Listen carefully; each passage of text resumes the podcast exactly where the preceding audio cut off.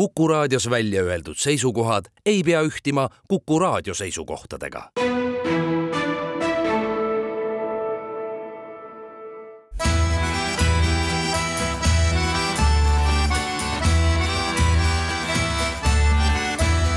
Kirillitsas Eesti tere päevast, head raadiokuulajad, eetris on Kirillitsas Eesti, saatejuhiks nagu alati Pavel Ivanov ja hea meel stuudios tervitada inimest, kes ei ole siin kaua aega käinud, igasugused tööasjad ja muud asjad on võib-olla selleks takistuseks olnud. Sergei Metlev, venekeelsete väljaannete peatoimetaja siinsamas Postimehe majas, tervist, Sergei! tervist! ja räägime täna sellest, et äh, ma hakkasin vaatama ja avastasin, et viimasel ajal sa oled ainukene, kes on midagi arvanud või kirjutanud venekeelsest meedias Eestis. sellepärast, et sel teemal juba ammu-ammu ei ole keegi niimoodi üldistavalt või siis natukene analüüsivalt midagi öelnud, keegi midagi seal ühes nurgas ütleb, teine midagi ka teises nurgas ütleb, sa kuu alguses avaldasid mõlemas keeles oma arvamuse venekeelsest ajakirjandusest, ma ütlen sulle ausalt, lugesin läbi. mul jäi niisugune mulje, ära solvu, kui, aga me oleme kolleegid, me võime lihtsalt puhtprofessionaalselt seda rääkida, mul jäi niisugune mulje, et see oli midagi äh, tõestamaks kultuuriministeeriumi komisjonile, kes hakkab raha jagama. et umbes nii, et vaadake, et tohoh, et äh, kui tublid me oleme, venekeelne ajakirjandus aren-, areneb ja mul jäi niisugune mulje, et kogu see arenemise edu seisnebki selles, et nagu sina juhid Postimeest. vabanda, mul jäi niisugune mulje, aga kui rääkida tõsisemalt, siis äh, alustamegi sellest raha jagamisest. vaata, ühest küljest on väga tore, et riik nagu näeb, et oleks vaja toetada, see on tore teisest küljest meil on ikkagi venekeelne meedia, välja arvatud Raadio neli ja ETV Pluss, on erakätes. see peaks ikkagi olema eelkõige nagu nende ettevõtjate ja omanike nagu probleem, kuhu ta investeerib, kuhu ta investeerib. kui hakkab eraettevõttesse sekkuma riik, siis võib jääda, ma ei ütle, et jääb, et võib jääda mulje, et niimoodi sekkutakse ka võib-olla toimetuse poliitikasse. et äh, ala nagu riik dikteerib sisu, peab ütlema ausalt, sellist efekti, tagurpidist efekti pole tõesti selle kahe aasta jooksul, mis on raha eraldatud, pole tõesti olnud ei raha eraldamise puhul ei avalik-õiguslikule venekeelsele meediale ega erasektorist. aga mis sa arvad, kui seda toetust ei oleks, kus kohas praegu venekeelne ajakirjandus oleks siis sel juhul?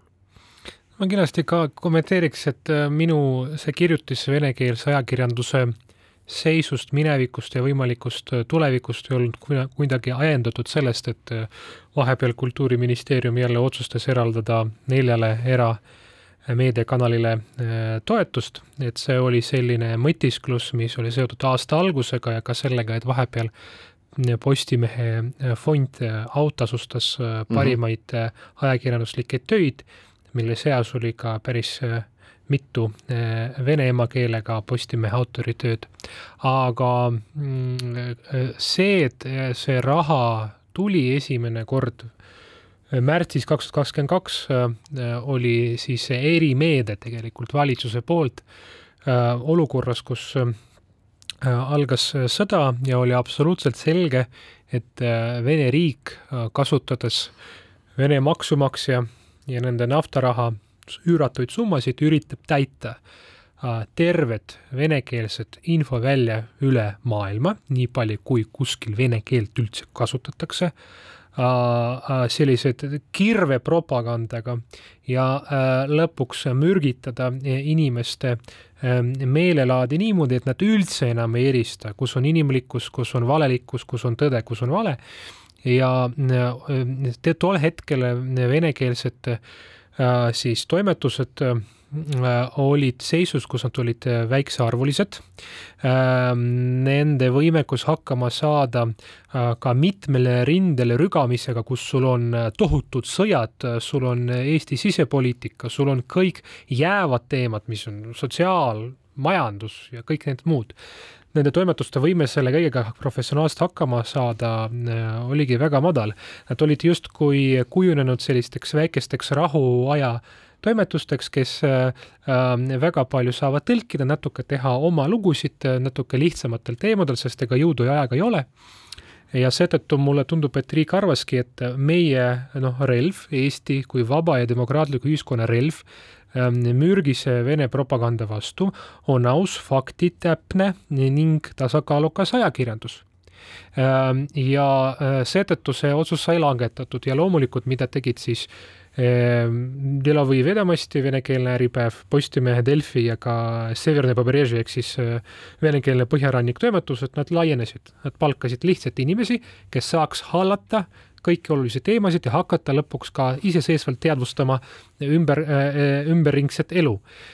ja äh, on ju algusest peale küsitud seda, mida sina ka küsisid, kas see, et raha tuli, tähendab, et peab kuidagimoodi sisu mõttes aru andma valitsusele, ei pea. ei, pea, ei ole kunagi ja, küsitud, ei oleks kunagi ka nõus seda tegema, see raha on põhimõtteliselt kasvuraha ehk siis, et oleks natuke suuremad toimetused, et nad ei oleks nagu käpuli maas siis, kui tulevad suured sündmused. ma ütlen sulle niimoodi, et, et jah, et mul nagu sel aastal täitub ka kolmkümmend viis aastat venekeelses meedias olemist ja, ja tõesti suurem osa sellest mingi peatoimetaja ja ma olen selles mõttes sinuga nõus, et äh, et küsimus võib, tähendab mitte nõus, vaid äh, ütlen sulle oma nagu visiooni, milles oli tegelikult võib-olla asi, et küsimus ei olnud näiteks kas või veel kümme-viisteist aastat tagasi äh, kvantiteedis toimetustes, vaid küsimus oli niimoodi, et millegipärast kusagil üheksakümnendatest aastatest oli venekeelses meedias juhtunud selline asi, et kus oli äh, olude sunnil ja elude sunnil äh, oli äh, väga tähtsaks saanud see, et kas üks või teine vene ajakirjanik venekeelses väljaandes, kas ta valdab eesti keelt, aga mitte sellepärast, et olla riigile lojaalne, nagu öeldakse, mitte ideoloogilistel põhjustel, vaid sellepärast, et töödelda materjale ja töötada allikatega ja faktidega. ja sellepärast tekkiski selline äh, efekt, et ei olnud tõsiseid majandus- ja poliitilisi ajakirjanikke ja kõik taanduski sotsiaalsele tasandile. et väga tore oli kirjutada ma ei tea, seal vanuritest, koerakestest, võib-olla lastest, jah, see on muidugi populism, aga ikkagi, aga sellest oli lihtne kirjutada, sellepärast et noh, see oli emotsionaalne, sa ei pidanud selleks vaeva nägema allikatega. ja ma samas ma ei tahaks nagu ka nõustuda sellega, et just nagu see Ukraina sõda oligi nagu see mingisugune öö, väga suur niisugune, kuidas nüüd öelda, jalaga tagumikku löömine, et nüüd davai, et nüüd, nüüd, vot nüüd me hakkame, nüüd me hakkame, nüüd me hakkame. et see oli ka nagu tulekul juba pisut varasemal ajal, aga mis oli huvitav tõesti et siis, kui see rahaeraldus esimest korda tuli, siis jaa, venekeelsed toimetused laiendasid oma toimetusi ja panid sa tähele, tähendab muidugi sa panid tähele, sellepärast sa olid iseenda, tähendab selles kas või oma toimetus, et võeti väga suure hulgaga neid, kes tulid näiteks Venemaalt ajakirjanikud. mis sa arvad, kas nad praegusel hetkel äh, aitavad kaasa venekeelse ajakirjanduse arengul kui me räägime venekeelsest ajakirjandusest Eestis? praegu kokku Postimehe venekeelsetes väljaannetes, neid on kaks, Rospostimees ja siis ka meelelahutuslik mm -hmm. Limon. Äh, meil on tegelikult äh, tööl ainult kaks Vene kodanikku, kes on tulnud Eestisse pärast sõja algust. Äh, ma tean, et näiteks meie kolleegidel Rosdelfist on palju rohkem välisriikide kodanikke, nii Valgevene kui ka Vene.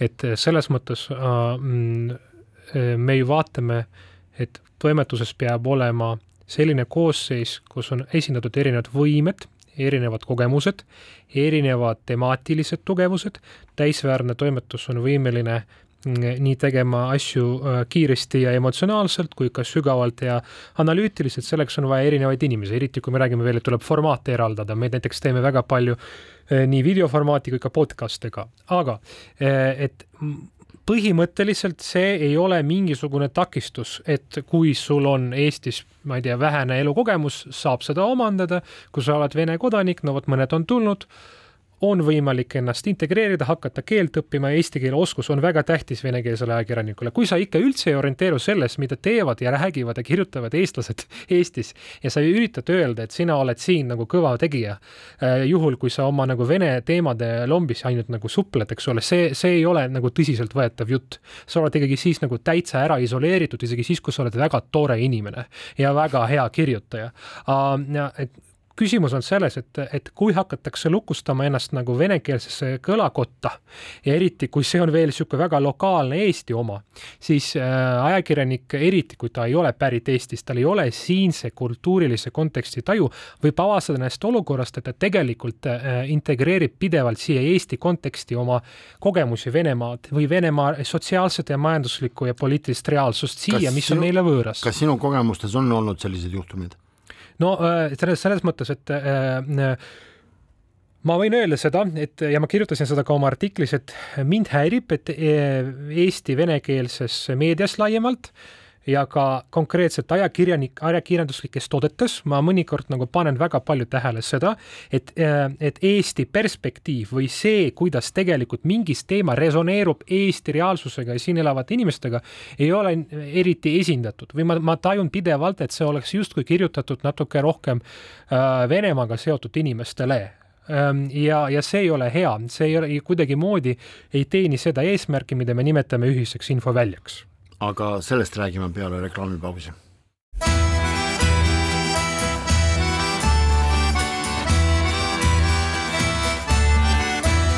Kirillitsas Eesti. jätkame saadet, Pavel Ivanov ja Sergei Metlev räägivad Vene ajakirjandusest. sa oma äh, sellises arvamusloos, mida sa nimetasid aruanne lugejale, pealkirjas kirjutasid sellist huvitavat fraasi, et üllatav, kuid fakt, Eestis on hakatud tegema head ajakirjandust vene keeles. siin ma jälle, saad aru, no ma olen üle kolmekümne aasta olnud vene ajakirjanduses, ma võin sulle kindlalt öelda, et see oli ka varem. kindlasti, vene ajakirjandust tehti ka varem. Ja juba kui mu mälu ei peta, siis äh, vene ajakirjanikud said äh, igasuguseid preemiaid ja auhinda alates üheksakümnendatest aastatest, no okei okay,, ma arvan, et see on kogemuste vahe aga kui rääkida edasi, siis äh, mind väga huvitab, et mis sa arvad praegu sellest, et mis asi on venekeelne ajakirjandus Eestis kohaliku venekeelse auditooriumi jaoks? Ja mis asi on võib-olla muu, millega me ka kokku puutume, et näiteks mis sa arvad sellest, et kas äh, ETV Pluss kui avalik-õiguslik venekeelne televisioon peaks oma diskussioonisaates arutama teemasid, mis on äh, äärmiselt spetsiifiliselt suunatud, nii kuidas sa ka saate esimeses äh, lõigus mainisid, just nagu Venemaa inforuumiga seotud äh, auditooriumil, ma toon sulle näite. just, äh, kui ma ei eksi, see oli jaanuaris ühes diskussioonisaates ETV Plussis, arutati teemat, et miks Venemaa popartistid osalevad Putini propagandaüritustel.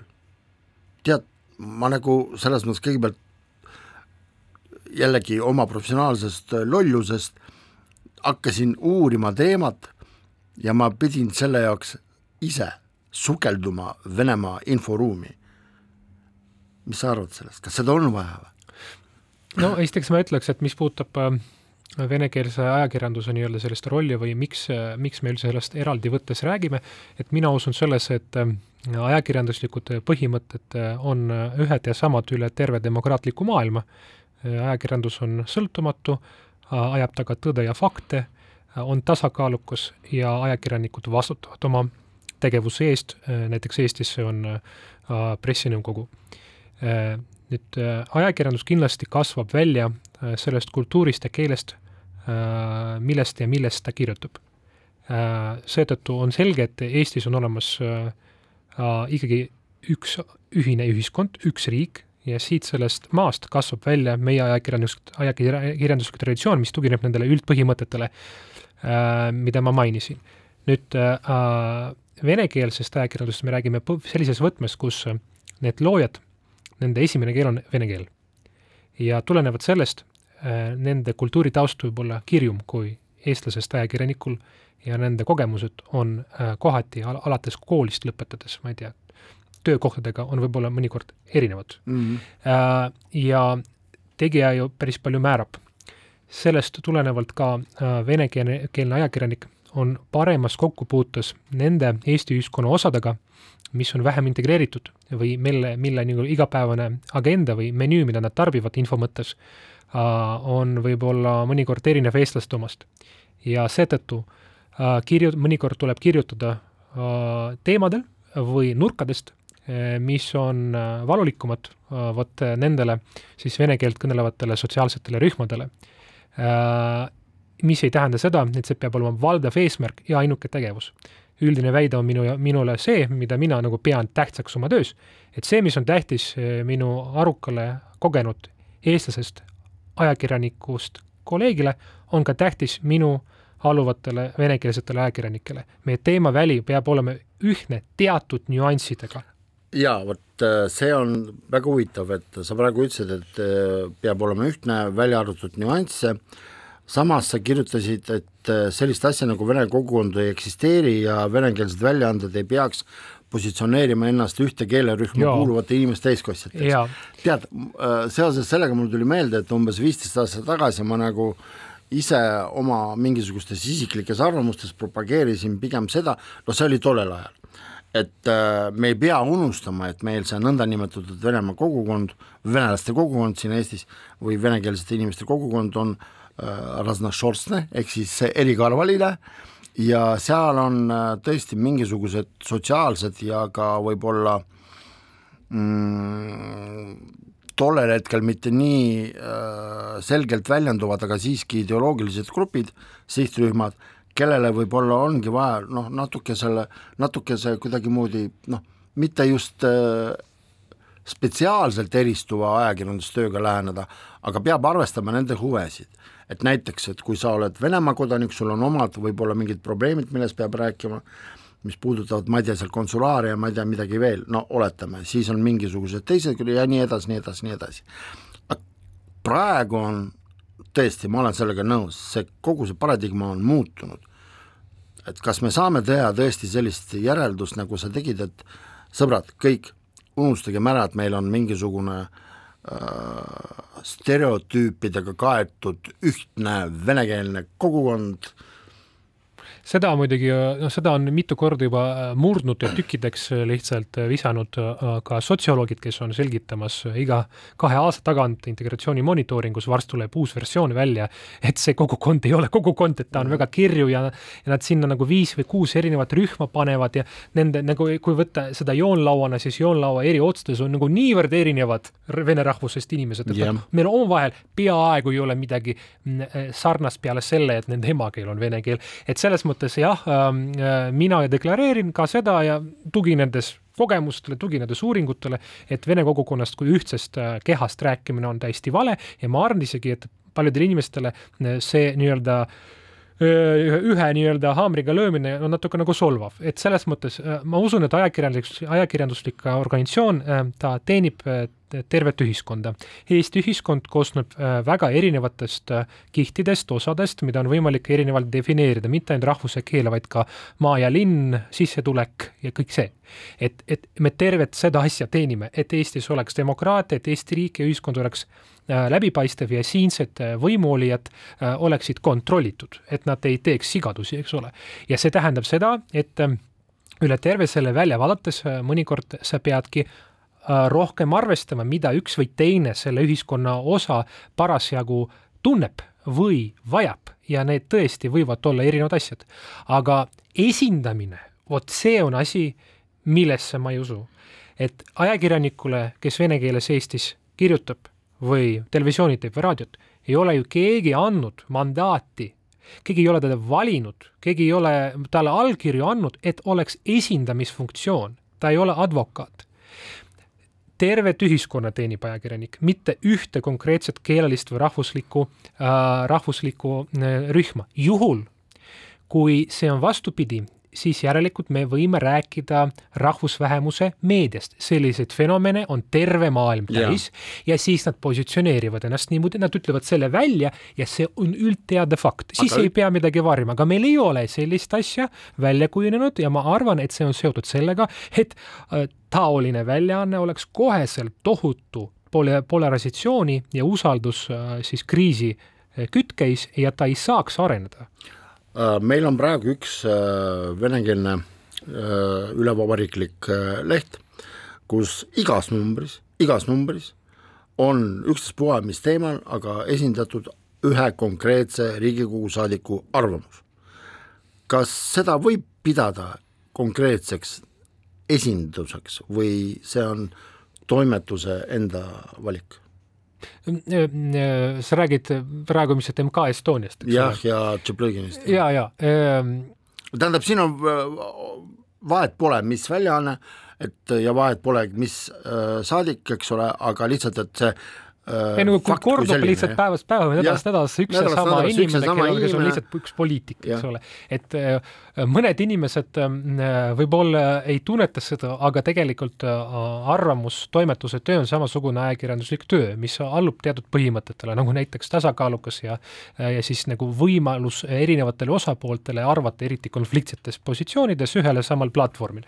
et kui, kui, kui üks leht arvab, et see neile ei kehti ja nad lihtsalt korraldavad ühes saadiku propagandat, kes kunagi ei pea sellel, selle lehe veergudel vaidlema mitte kellegiga, noh siis järelikult see tegemist on lihtsalt noh, ühekülgse sellise nii-öelda politiseeritud otsusega ilmselt. aga see ka, ka küsisite alguses, et kas peaks nagu rääkima mingisugustest äh, vene, vene artistidest, kes Putinit toetavad yeah., eks ole. et äh, siin ma ütlen niimoodi, et, et ühelt poolt äh, kohalike inimeste, mitte ainult venelaste, vaid ka eestlaste pilgud on kõik suunatud itta selles mõttes, et aru saada, mis seal toimub, et millal see see hullus lõpeb, et kas Venemaal on mingi lootus või see ikkagi on täiesti äh, kaotatud ja kadunud riik.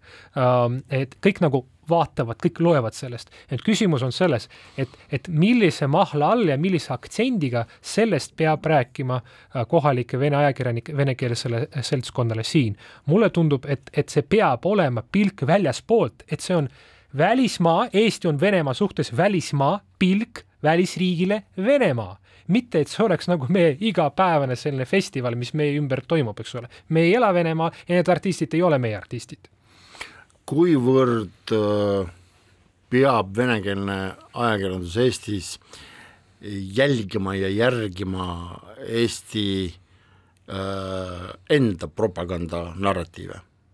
no vaata, et äh, Eestis sisuliselt ei eksisteeri riiklikku propagandat põhjusel, et äh, ei ole kunagi Eesti riigis loodud tugevat kommunikatsioonilist rusikat.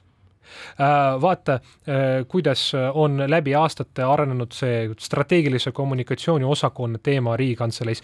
korraks siis oli, oli ta väike, siis ta paisati suureks, nüüd jälle kärbiti, nüüd isegi juhti ei ole, see eraldi juhti ei ole, eks ole, koondati ära et see kõik on alati olnud nagu väga-väga selline eklektiline. ta on tegelikult juhtimi, juhtumite põhine. juhtumite põhine yeah. ja ma, ma olen ju nii palju kohtunud väga erinevate Eesti riigi kommunikaatoritega mm. ministeeriumites ja al alati esimene asi on see, et, et Eesti riik ei tee propagandat. Eesti riik teeb teavitust, ta võib midagi paluda ajakirjanduse käest, aga ta midagi nagu ei taha nagu kurgust alla suruda. küll aga peab ütlema, et noh, eksisteerib hoopis teine asi, eksisteerib nagu parteiline propaganda, mis mõjutab no jaa, see on, see, see see on nagu selles mõttes, et äh, iga partei otsustab ise. aga, aga selles teeb, mõttes, et see, kui, kui äh, Eesti riigiasutused hakkavad ajama mingisugust äh, väheargumenteeritud propagandistlikku joru, see ju juhtub temaatiliselt mõnikord, eks ole. ja kui see on ilmselgelt mingisugune õõnes jutt, siis sellele peab tähelepanu pöörata, pöörama isegi siis, kui sa saad riigilt rahalist toetust. huvitav, aga jätkan seda teemat peale reklaamipausi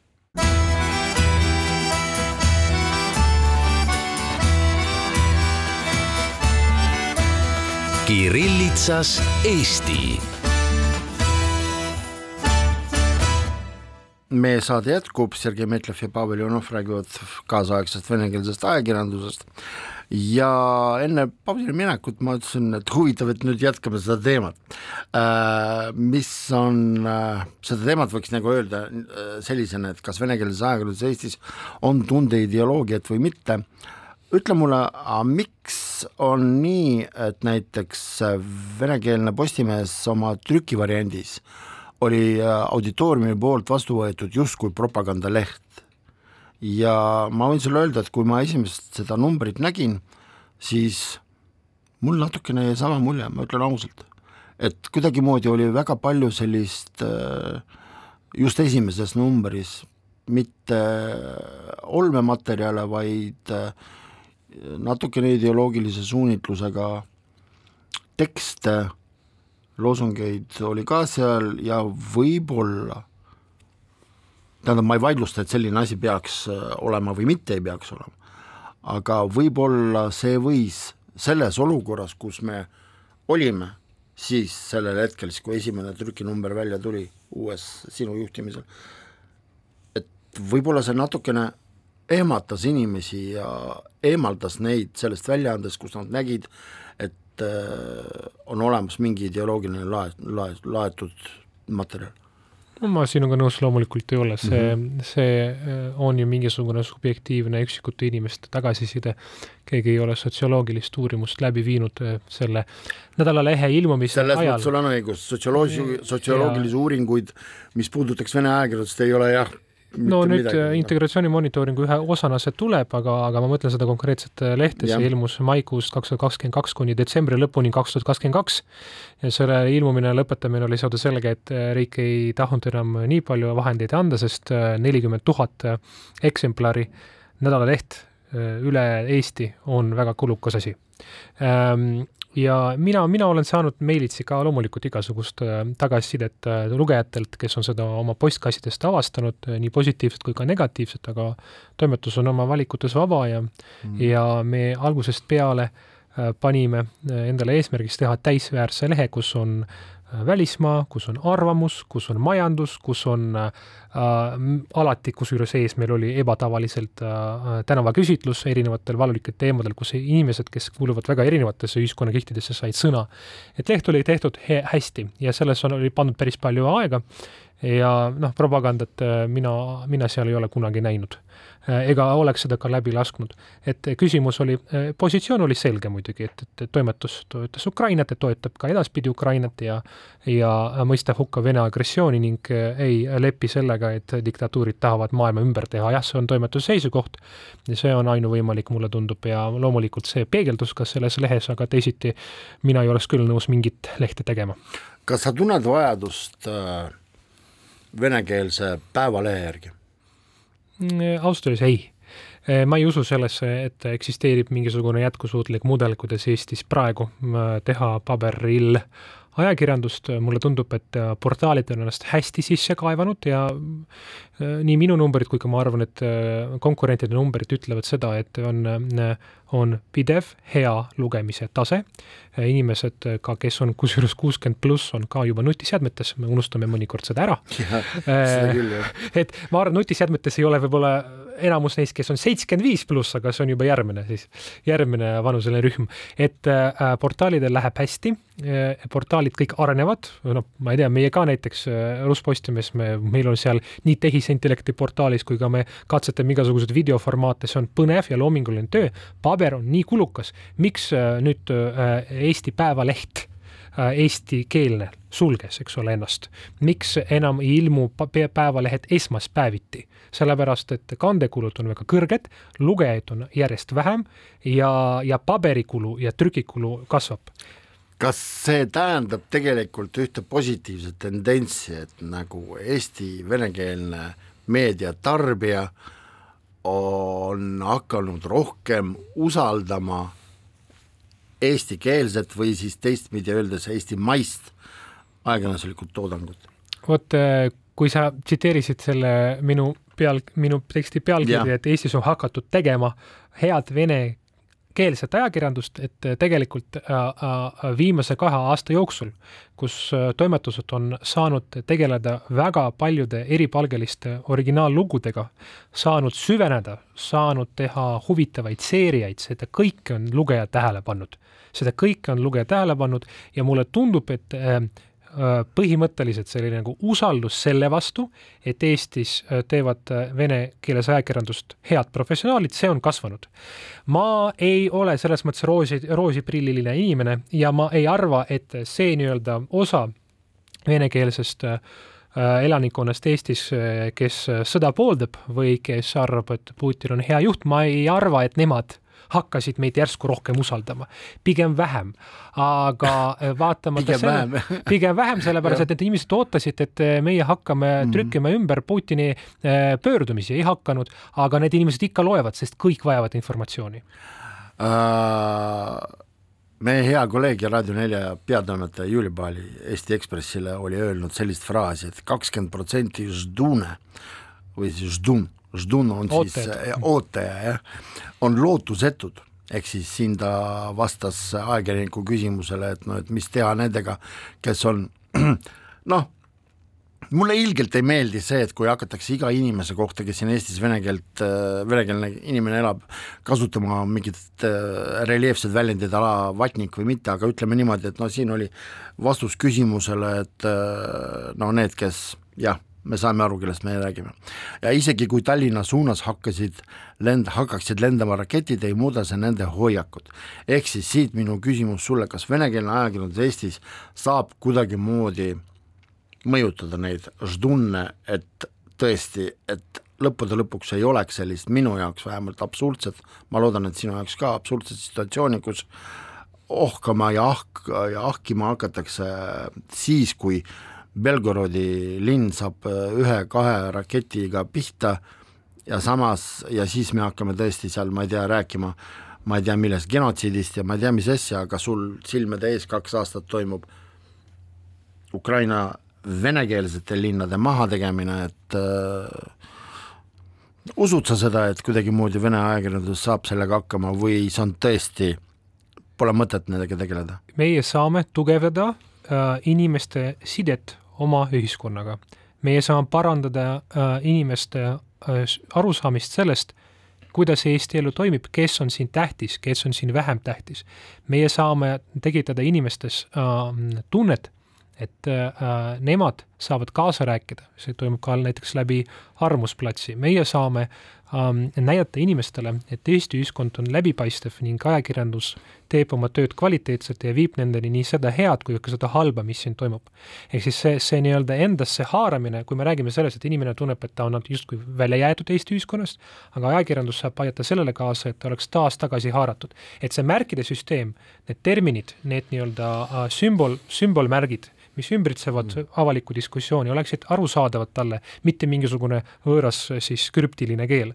aga mis puudutab neid ždunne ehk siis ootajaid või siis Putini ootajaid, et äh, siin üleeile oli uudis sellest äh,, kuidas üks äh, sünnitusmajas kannatada saanud Mariupolis yeah., äh, saa-, kannatada saanud äh, noor naine, kes ka, kes ka siis, keda tabas äh, siis filmi operaator, kes nüüd tegi valmis selle suure äh, dramaatilise dokumentaali Kakskümmend päeva Mariupolis, et see naisterahvas, kes seal ellu jäi äh,, nüüd on äh, Vene propagandateenistuses ja istub oma kodus diivani peal ja hea meelega räägib äh, Putini ajakirjanikega, siis Putini mitte ajakirjanikega, vaid propagandistidega ja tuli välja, et äh, talle kõik sobib. Äh, tema kodulinn on maatasa pommitatud, ta ise oleks äärepealt surma saanud seal haiglas, et talle kõik see sobib ja äh, kui me arvame, et Eestis pole sellise psühholoogiaga inimesi, siis me muidugi eksime, me lihtsalt äh, loodame äh, ajakirjanikena selle peale, et,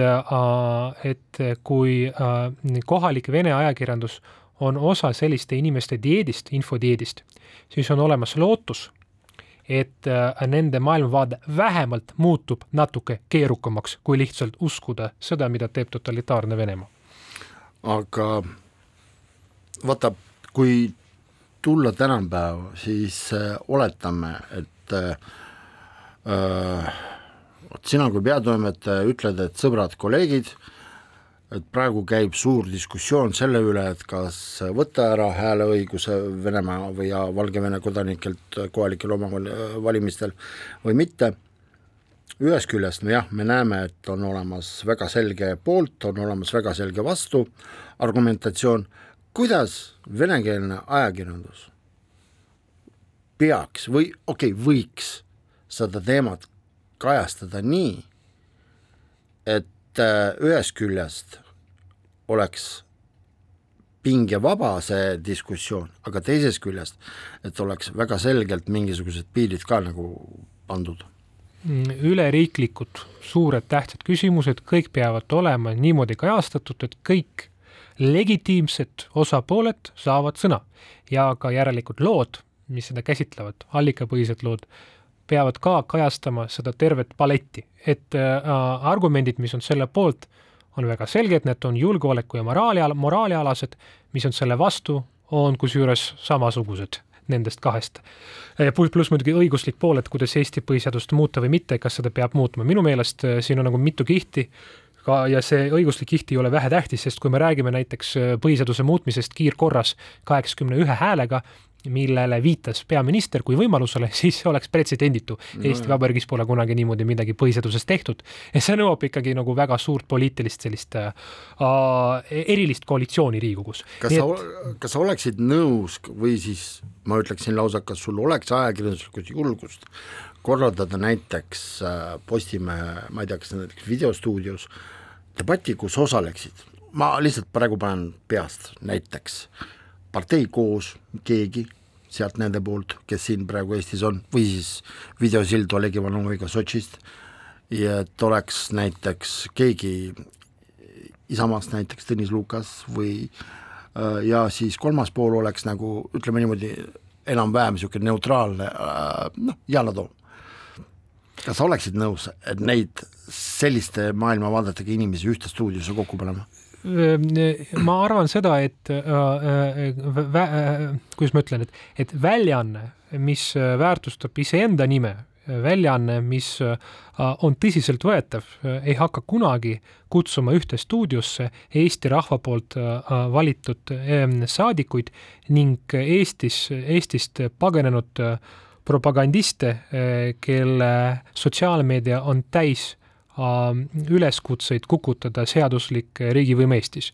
Äh, ei, see ei ole see, mida me teeks küll aga sa mainisid selliseid inimesi nagu Yana Toom, Yana Toom on legitiimne poliitik, valitud Eesti rahva poolt Euroopa Parlamendi, tema käibki meil sageli ja tema saab nendel teemadel ka jaa, loomulikult tema, kui Yana Toom ja., tema käib jah, aga ma mõtlesin ja. just, et tekitada sellist äh, platvormi küsimus on selles, et kas, kas sa tahad olla kloak või sa tahad ja. olla äh, formaat, kus päriselt vahetatakse argumente ja kus räägivad inimesed, kellel on taga mingisugune tähtsus ja mõju, et äh, erakonnaga koos ma isegi ei tea, mis täpselt praegu toimub olukorras, kus seal, kus selle juht on äh, praegu vahistatud äh, riigireetmise kahtlustusega. et see, see ei tundu olevat hetkel äh, seltskond, keda kutsuda. väike reklaamipaus, pärast jätkame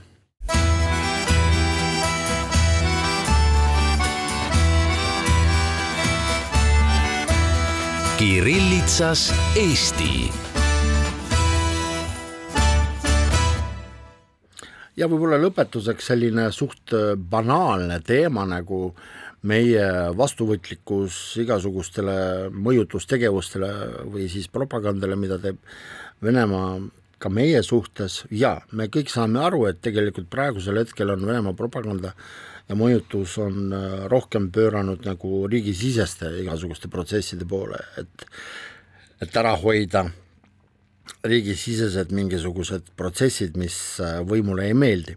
aga mulle tundub, see on, et kas sa oled sellega nõus või mitte, et mulle tundub, et äh, meil on äh, selle viimase kahe aasta jooksul tegelikult see ka nagu muutunud et jaa, loomulikult meil on sotsmeedias rohkem neid isikuid ja gruppe, kes noh, taovad oma rida ja nagu öeldakse, las nad siis ka taovad. administraator Ušarova on tuntud kõikidele grupist Novosti Estonia kelle, kel noh, kes paneb absoluutselt iga asja pihta. aga ma olen tähele pannud, on hakanud sisse tulema selline võrdlus, kui inimesena, kui inimene näiteks näeb kusagil mingisugust libauudist Eesti kohta või siis uudis, mis ei vasta tõele, siis ta toob fakte reaalsusest vastu argumendina.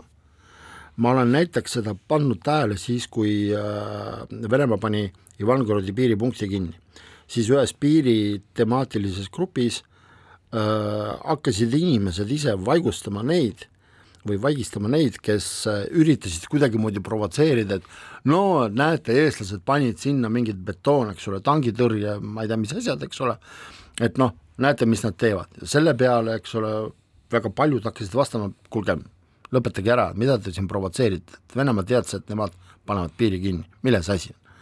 et kas sulle, kas sa oled nõus ka sellega, et see võrdlus propaganda ja reaalsusega on üks tegelikult meie propaganda vastupanu tegelikult väga suuri plusse. ja mõnikord on tõepoolest vaja otseselt rääkida sellest, et faktid nõuavad kontrollimist, nagu ka selle konkreetse piiri küsimusega, kus mitmed äh, regionaalsed äh, Vene meediakanalid, eeskätt Leningradi ja Pihkva oblastist, avaldasid artikleid, kus nad ütlesid sõna otseses mõttes, et Eesti on pannud piiri kinni ja, äh, ja see on vaenulik aktsioon, et näiteks noh, minu väljaanne võttis välja need äh, äh, uudislõigud ja pani vastu ei kellegi muu kui Vene Föderatsiooni peaministri härra Mišutini ukaasi, mis oli, ütleb ka selle. hea teie poolt ja, ja mul Aga... on hea meel, et äh, näiteks ka Propastop võttis sellest kinni ja ka laiendas seda teemat. ja, siukseid asju tuleb niikuinii teha, küll aga mul jällegi, mina ei ole see, kes neid äh, roosasid prille kannab ja arvab, et me siin peame igapäevaselt äh, siis äh, võitlema ainult nende narratiividega, kirjutama paljastavaid lugusid. meie peame tagama oma meediaväljas elementaarse hügieeni, kus tõde väärtustatakse, kus, kuhu ei lasta läbi igasuguseid mõttetuid Vene riigi poolt korraldatud äh, manipulatsioone, kus kontrollitakse meediavälja niimoodi, et, et, et ta toimiks ühelt poolt demokraatiale sobilikuna, aga teiselt poolt, et seal oleks mingi elementaarne filter. see tegelikult ongi laiemas mõttes eh, iga eh, professionaalse meediakanali töö, olla filter, äh, et, et, et see meediaväli ei muutuks lihtsalt mingisuguseks eh, nagu äh, sõnniku hunnikuks, eks ole, kus, kus näiteks tohutud need ressursid, mida eraldab äh, Vene eelarve siis oma propagandistile, et nad ei saaks nagu siin möllata. aga samal ajal muidugi tuleb tähele panna ka seda, et venekeelne meediaväli Eestis ja ajakirjandus äh, loomulikult ei pea lihtsalt olema selline propagandavastane teener, tal on ikkagi siseriiklikud Eestile vajalikud eesmärgid informeerida äh, inimestega mõnikord meelt lahutada, rääkida Eesti kultuurist, rääkida Eestis toimuvast ka sellises võtmes, kus sees ei ole sõna sõda või kus ei ole sees sõna propaganda. see on ju elu, elu on mitmekülgne ja me peegeldame seda elu. aga kuule, aga kui näiteks teha eksperimendi, kas või venekeelse Postimehe väljaannete puhul, et ma ei tea, kas või kaks nädalat mitte üheski oma materjalis ei mainigi seda sõna sõda Ukrainas, ei maini sõna propaganda, ei maini äh, sõnu võib-olla, no ma ei usu, et te seda ka teete, aga lihtsalt ütlen, et vatnikut ei kasuta, eks ole, putinisti ei kasuta, ei, ma ei tuleta meelde mitte kordagi Putinit, välja arvatud juhul, kui ta ütleb, et nüüd homme ründame Eestit. et näiteks. oota, Pavel, näiteks konkreetselt venekeelses Postimehes ilmub äh, päevas äh, ligi sada materjali. jah ja palju ei ole muuseas? ei no kui on päev väga aktiivne okay., kui väga palju toimub uh,, ligi sada materjali ja uh, uh, ne-, nende seas on igasuguseid, küsimus on ju selles, et sul peab olema teatud tasakaal et mitte kirjutada praegu või sel-, teha selline Putini propaganda ja sõja vaba nädal, see on üks absurd. ja mina alati ütlen oma noorematele kolleegidele, kes noh, tulevad toimetusse tööle, kelle jaoks mingid asjad võib-olla ei ole väga selged, ma alati ütlen sellise fraasi. ajakirjanik allub ajale, mitte aeg ajakirjanikule. aeg on selline ja me kirjutame Putinist kui kurjategijast iga päev. huvitav äh, fraas, jah, hea sõnastus lõpetuseks tead selline küsimus ka puhtprofessionaalne, et kuidas sulle tundub, kui sa räägid noortest kaadritest, äh, kuidas sulle tundub, kas äh, meie venekeelne ajakirjandus on grammatiliselt korrektne, kas meie sõnakasutus on korrektne? Ja kas vene keel, milles me töötame, kas ta on ilus, selge, sorav ja vastab vene keele nõuetele? Vaata, see ei ole ühtlane, see on ikkagi sageli autoripõhine, on inimesi, keda ei pea peaaegu üldse toimetama.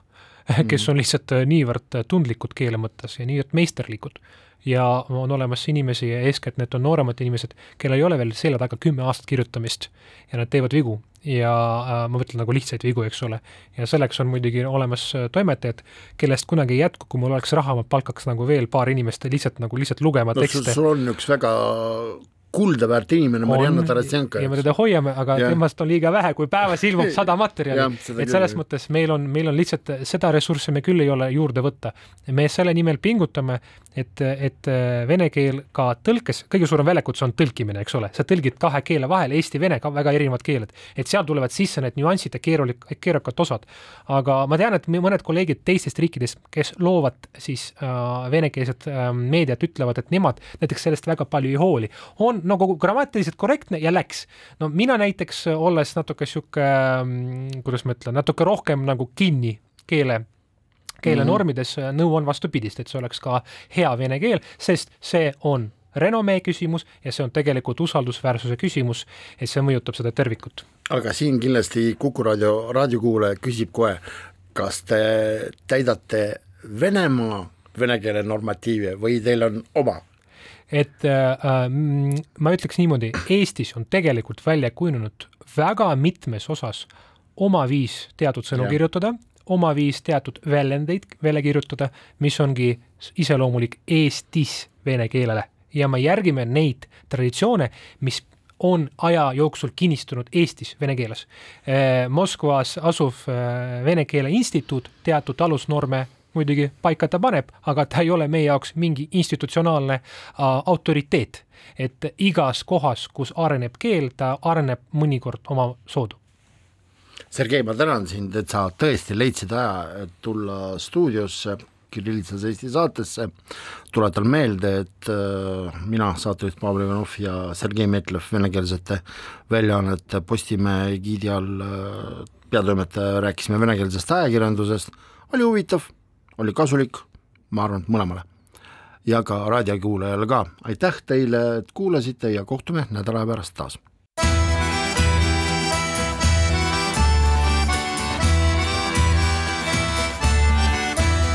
Kirillitsas Eesti